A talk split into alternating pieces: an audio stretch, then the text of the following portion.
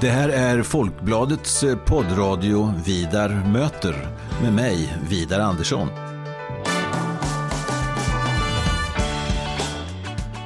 Jag är eh, chefredaktör på Folkbladet och jag är också ansvarig för Folkbladets ledarsida som eh, skrivs utifrån en oberoende socialdemokratisk hållning. Så i den här poddradion kommer jag att möta politiska personer av olika slag och vi ska ha ganska så korta och hoppas jag rappa samtal om stora och små samhällsfrågor. Varmt välkommen till Vidar möter.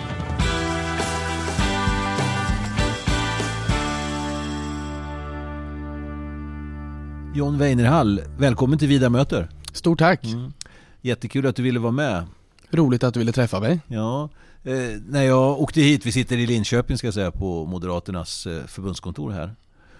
Och eh, då tänkte jag att det skiljer 40 år mellan oss. Och eh, det är inte mycket för mänskligheten men eh, för varje människa är det ganska mycket. Och jag tänker på en sån sak som bildandet av den borgerliga alliansen 04 och Nya Moderaterna och valsegen då med Fredrik Reinfeldt. Det var en väldigt stor händelse för mig. Jag kommer aldrig att glömma det, hela den omvandlingen och en, en moderat statsminister två perioder efter varandra. Det hade ju aldrig hänt. Och så kommer jag att tänka på att du var 11 år när detta hände. Mm. Du tycker inte det är så märkvärdigt? Eller en moderat statsminister kanske? Nej, jag kommer ihåg när Göran Persson var statsminister. Jag kommer ihåg valnatten när Göran Persson aviserade sin avgång och, och hade förlorat valet. Men det var ju ganska naturligt. Jag är uppvuxen i stora delar av min ungdom med att vi har en moderatledd regering. Ja. Så för mig är det nog mer naturligt än för tidigare generationer såklart. Det Socialdemokraterna för det mesta har styrt Sverige. Mm. Och nu är du ju riksdagsledamot för Moderaterna här i Östergötland sedan valet 2018. Men du säger att du kommer ihåg Göran Persson och så vidare. Har du, var du politiskt intresserad redan när du var en tvärhand höger? Ja, jag, vi har alltid pratat mycket politik hemma, men mina största minnen för Göran Persson det var när han dansade med kossan Doris och sådär. Och det väl kanske vad min generation mycket förknippar Göran Persson med förstås. Och sen efterhand med det politiska intresse man har så har man förstås eh, läst och eh, sett mycket av hans tid som statsminister också, men i efterhand. Mm jag tycker det är väldigt intressant det där med generationer för det är så en slags förnyelse sker. Det vill säga vad du föds in i eller vad du liksom uppfattas som normalt från början. Och ehm, ja, det är det som kallas utveckling helt enkelt. Ja. Men du eh, är alltså 25 år och ehm, du har varit ordförande för eh, Moderata ungdomsförbundet här i Östergötland. Stämmer. Och du är också nu, är du andra eller tredje vice ordförande? Jag är andra vice ordförande för MUF då nationellt. Just det. Och, Åtminstone till i höst. Ja, då ju han eh, Benjamin Dosa ska avgå. Stämmer. Ja. Så det kanske blir eh, en John Weinerhall som Nej, det har jag väldigt men bestämt eh, aviserat att eh, det är jag inte intresserad av utan jag tänkte rikta fullt fokus på riksdagsuppdraget här framöver. Och sen har jag ju lokala uppdrag. Jag är vice kretsordförande för Moderaterna i Linköping dessutom. Okay, okay. När kom du in i partipolitiken då? Så att säga? När, när gick du med i Moderata ungdomsförbundet? Jag blev medlem 2009, så var jag 14 år och gick på Nyhemskolan i Finspång då, för jag är ju ursprungligen utanför Reimer från. Karlbo eh, innan jag flyttade hit till Linköping för studier. Och det var faktiskt tack vare SSU jag tog steget. Okay. För SSU stod på min högstadieskola och kampanjade då och eh, delade ut sådana här klistermärken, kommer jag ihåg. Gör Reinfeldt arbetslös innan du själv blir. De satt, de satt precis överallt på varenda skåp i skolan. Och jag gick fram och pratade om det eftersom jag var lite politiskt mm. intresserad och jag har alltid pratat politik hemma. Och så insåg jag att de där håller jag inte alls med om någonting om egentligen. Så gick jag hem och googlade lite grann. Eh, och eh, hittade moderat skolungdom och insåg att ja, men det här med fri, individens frihet och att man ska få välja mer själv i skolan och sådär. Det var idéer som tilltalade mig ganska mycket och sen har jag en mormor som flydde från Sovjetunionen 1944. Så det fanns ju också en, och det var ju också Moderaterna eh, förstod man ju ganska tidigt. Regeringen Bildt var ju den första regeringen i världen som erkände Estlands självständighet exempelvis. Eh, så det fanns ju också ett engagemang för Östeuropa eh, bakåt som förstås låg mig och nära mm. hjärtat och som tilltalade mig då. Eh, så vänster hade nog inte varit ett alternativ. Absolut inte vänster och Socialdemokraterna givet min mm. släkthistoria. Nu var du ju inte med på den tiden, det är du för ung för, men det var ju en uppslitande ordförandestrid en gång i tiden som ju man talar om eh, i Lycksele Slaget. Slaget här, jag sökte efter ordet där. Och det var alltså nuvarande partiledaren Ulf Kristersson och Fredrik Reinfeldt då, som gjorde upp om ordförandeposten. Om du, har, om du har varit med där, hur hade du röstat då tror du? Jag hade nog röstat på Ulf Kristersson. Ja. Eh, faktiskt. Är det en anpassning till att det är lämpligt att göra det med att han är ordförande? Nej. In, inte alls. Nej. Och, uh, jag är säkert mer konservativ idag än vad Kristersson var då. Mm. Uh, men jag uppskattar Ulf Kristersson som ledare. Mm. Han är väldigt lugn, saklig och väldigt värderingsdriven på ett sätt som mm. jag inte uppfattar kanske att flera tidigare partiledare, senare partiledare har varit för Moderaterna mm. och det uppskattar jag verkligen för att jag är trots allt engagerad i politiken för värderingarna och idéernas skull och jag tycker det är viktigt att man lyfter fram dem. Ibland tycker jag att den politiska debatten i Sverige är lite för eh, matt, mm. inte så vass. Mm. Eh, och jag uppskattar att man för in värderingarna i, i sakpolitiken också mm. och i den dagsaktuella politiken. Och det uppskattar jag Ulf och jag har förstått att han var likadan som UF-ordförande och därför mm. hade jag nog lagt min röst på honom. Ja. Intressant för eh, finns det någon spänning där skulle vi säga för Reinfeldt, jag menar, tog ju upp partiet eh, runt 30 procent över vid något val och eh, höga egna förtroendesiffror. Det vill säga han bröt in långt utanför Moderata samlingspartiet. Men tror du priset för det är liksom den, vad ska man säga, utslätning och, och eller Ja, jag tror att det är ett pris som vi fick betala både i valförlusten 2014 och som jag fått betala fram till nu. Nu mm. känner jag att väljare återigen börjar känna igen Moderaterna mm. igen. Och det kan jag säga att som, som moder, även om jag inte har varit, eller blev medlem i Fredrik Reinfeldts Moderaterna så var det ofta man inte själv riktigt kände sig hemma när man inte ville ta tag i obekväma frågor som mm. LAS som nu är en stor aktuell fråga eller mm. Eh, och de bitarna eller värnskatten för den delen så eh, kände man sig ju inte riktigt som moderat inte riktigt hemma alltid i, i de besluten. Eller när mm. man inte väldigt starkt ville driva frågan om NATO som är en väldigt viktig fråga för många, för mm. många moderater. Och försvaret, att man inte satsar mer på försvaret. Det finns ju några sådana där frågor som alltid har legat vårt parti nära om hjärtat och mm. som man helt enkelt inte prioriterade eller man ville inte prata om dem eller ta tag i dem då. Och, det är klart att priset för Nya Moderaterna. Vi fick regeringsmakten i åtta år och vi lyckades genomföra många reformer mm. får man ju ändå säga på de åtta åren. Ja, de första fyra åren får man säga var ju... var en väldigt stor reformtakt. Även om jag tror Carl Bildt faktiskt innehar rekordet i reformtakt utav alla regeringar någonsin i Sverige. Okay. Eh, det var också mycket man hann med på där på tre år. Men så är det klart att vi har fått betala priset för att dels så tror jag att eh, bland annat migrationsfrågan då gjorde att vi lämnade högerflanken öppen för mm. Sverigedemokraterna, att vi gjorde upp med Miljöpartiet. Det tror jag var ett stort misstag. Men också så tror jag att det var, fanns många moderater som inte riktigt kände sig hemma där och utan kärntruppen så så är det ju svårt sen. Mm. Och efter valförlusten sen och Fredrik avgick på valnatten så tror jag att vi, hela partiet kände sig lite vilset och det har tagit tid att reparera.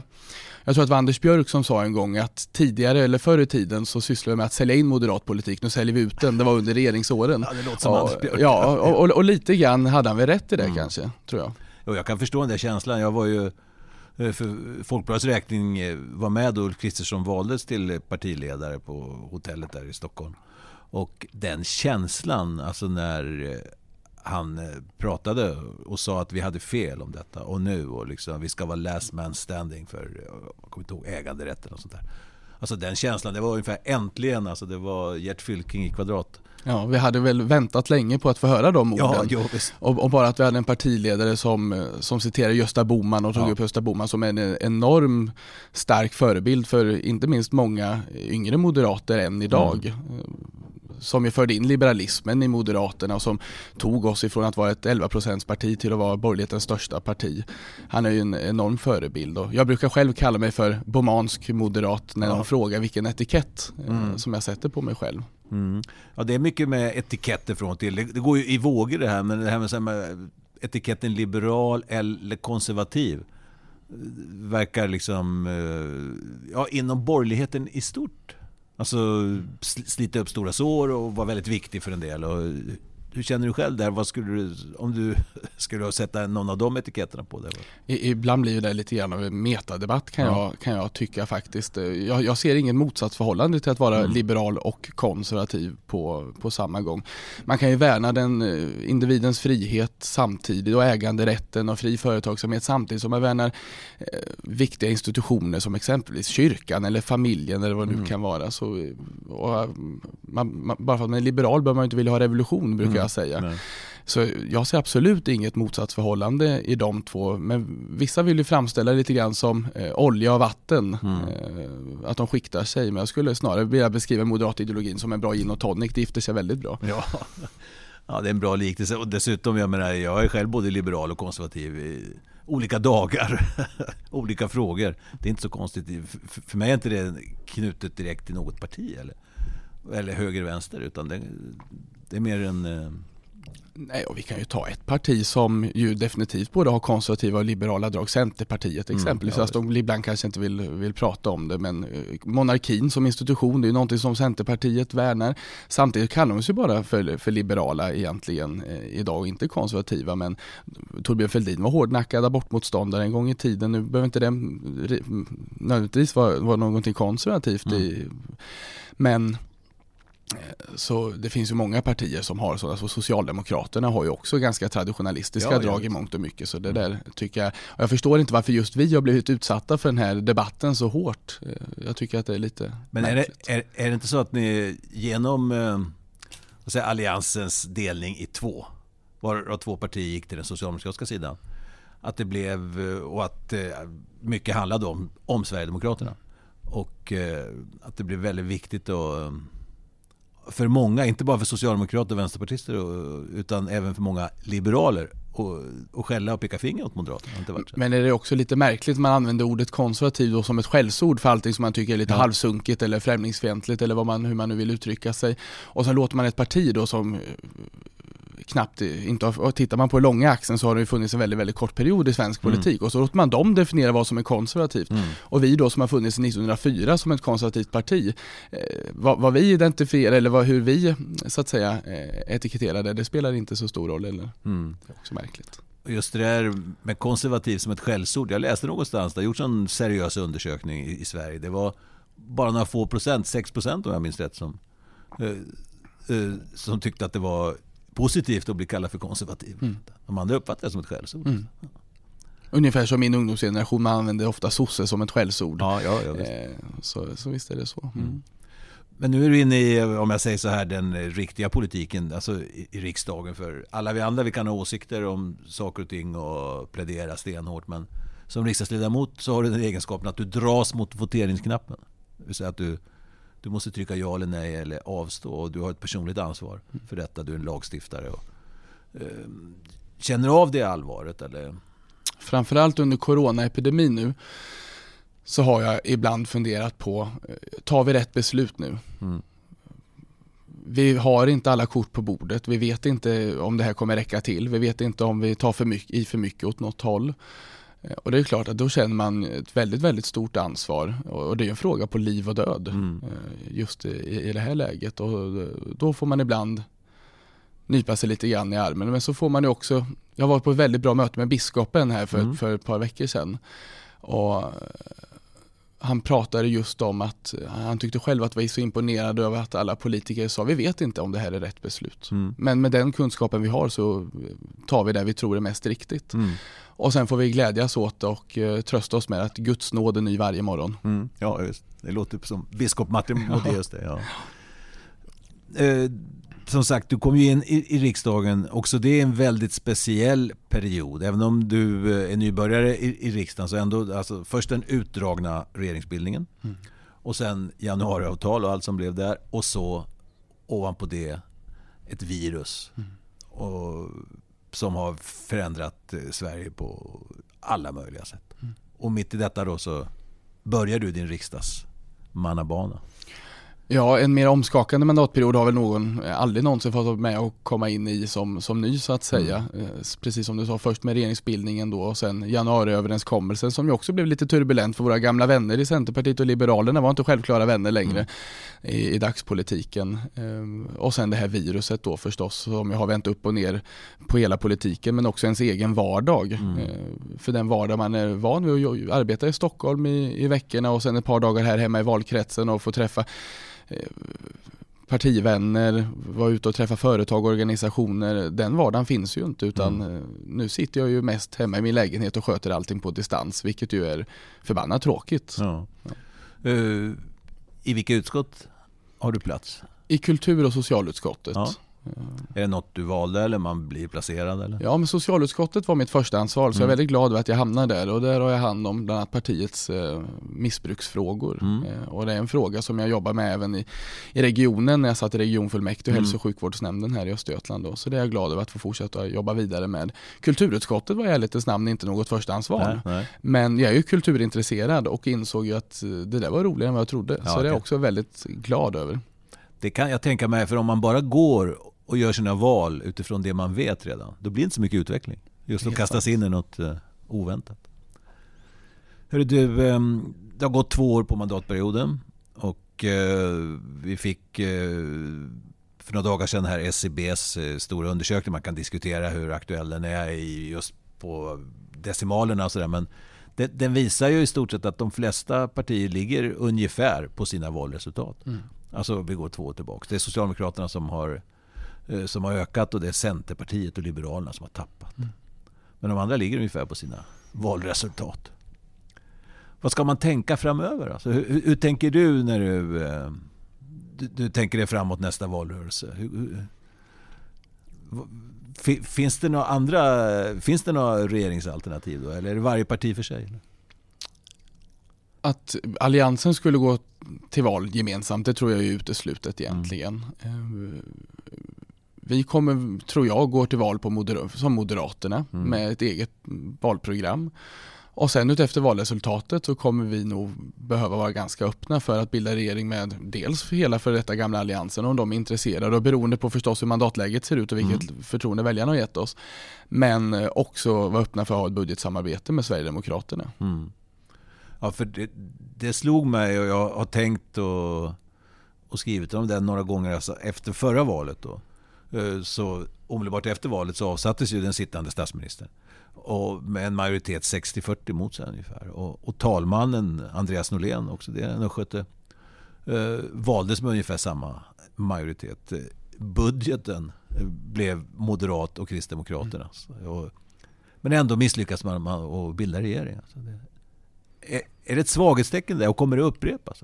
Det var ju förstås en stor besvikelse för oss men det handlar ju i grund och botten om en låsning hos Centerpartiet och Liberalerna mm. där man helt enkelt inte eh, ville ge Sverigedemokraterna ett avgörande om vilken regering som skulle tillträda. Mm. Det var ju i grund och botten det det handlade om och för, och för mig så tycker jag att det där är så märkligt min beröringslek med Sverigedemokraterna är borta sedan, många år tillbaka. Jag tycker att det är väldigt märkligt så som man behandlat eh, det mm. partiet i, i svensk politik egentligen. Men om Centerpartiet och Liberalerna har så dåligt självförtroende att de inte tror att de skulle kunna stå fast vid sina värderingar trots att man lutar sig på ett parlamentariskt underlag mm. som det Sverigedemokraterna ingår. Så ja, bara för att man har dem som ett underlag i en, eller en regeringsbildning så betyder inte det att det som kommer ut nödvändigtvis är sverigedemokratisk politik utan mm. det handlar ju om en, en, förhandling. Och då har man ju förstås vissa frågor som man inte är beredd att förhandla bort och då förhandlar man inte bort dem helt enkelt. Och är det så att regerings, regeringen skulle spricka på grund av de motsättningarna, mm. Ja då får väl väljarna ta ställning i ett nyval eller se om det finns någon annan regeringsbildare som skulle kunna få ihop en majoritet. Jag tycker mm. det är ganska självklart. Men det, den där låsningen beror också på att vi i Sverige är så vana vid att ha en så stor, stora majoritetsregeringar och, mm. och stora majoriteter för, för, för regeringarna i, i riksdagen. Men jag, jag, tror att Sverige kommer bli lite mer kontinentalt i det mm. avseendet. Mm. Men det var väl också en låsning inom Moderaterna. Jag minns efter, uh, efter valet då när eh, Anna Kinberg Batra efterträdde Fredrik Reinfeldt. Och sen efter en stund på sin post så började hon eh, att tala om att man kanske kunde säga hej till en sverigedemokrat i ett utskott ungefär. Och eh, opinionssiffrorna och jag blev alla mobiliserade mot er där och det kändes som om det, det gungade ordentligt.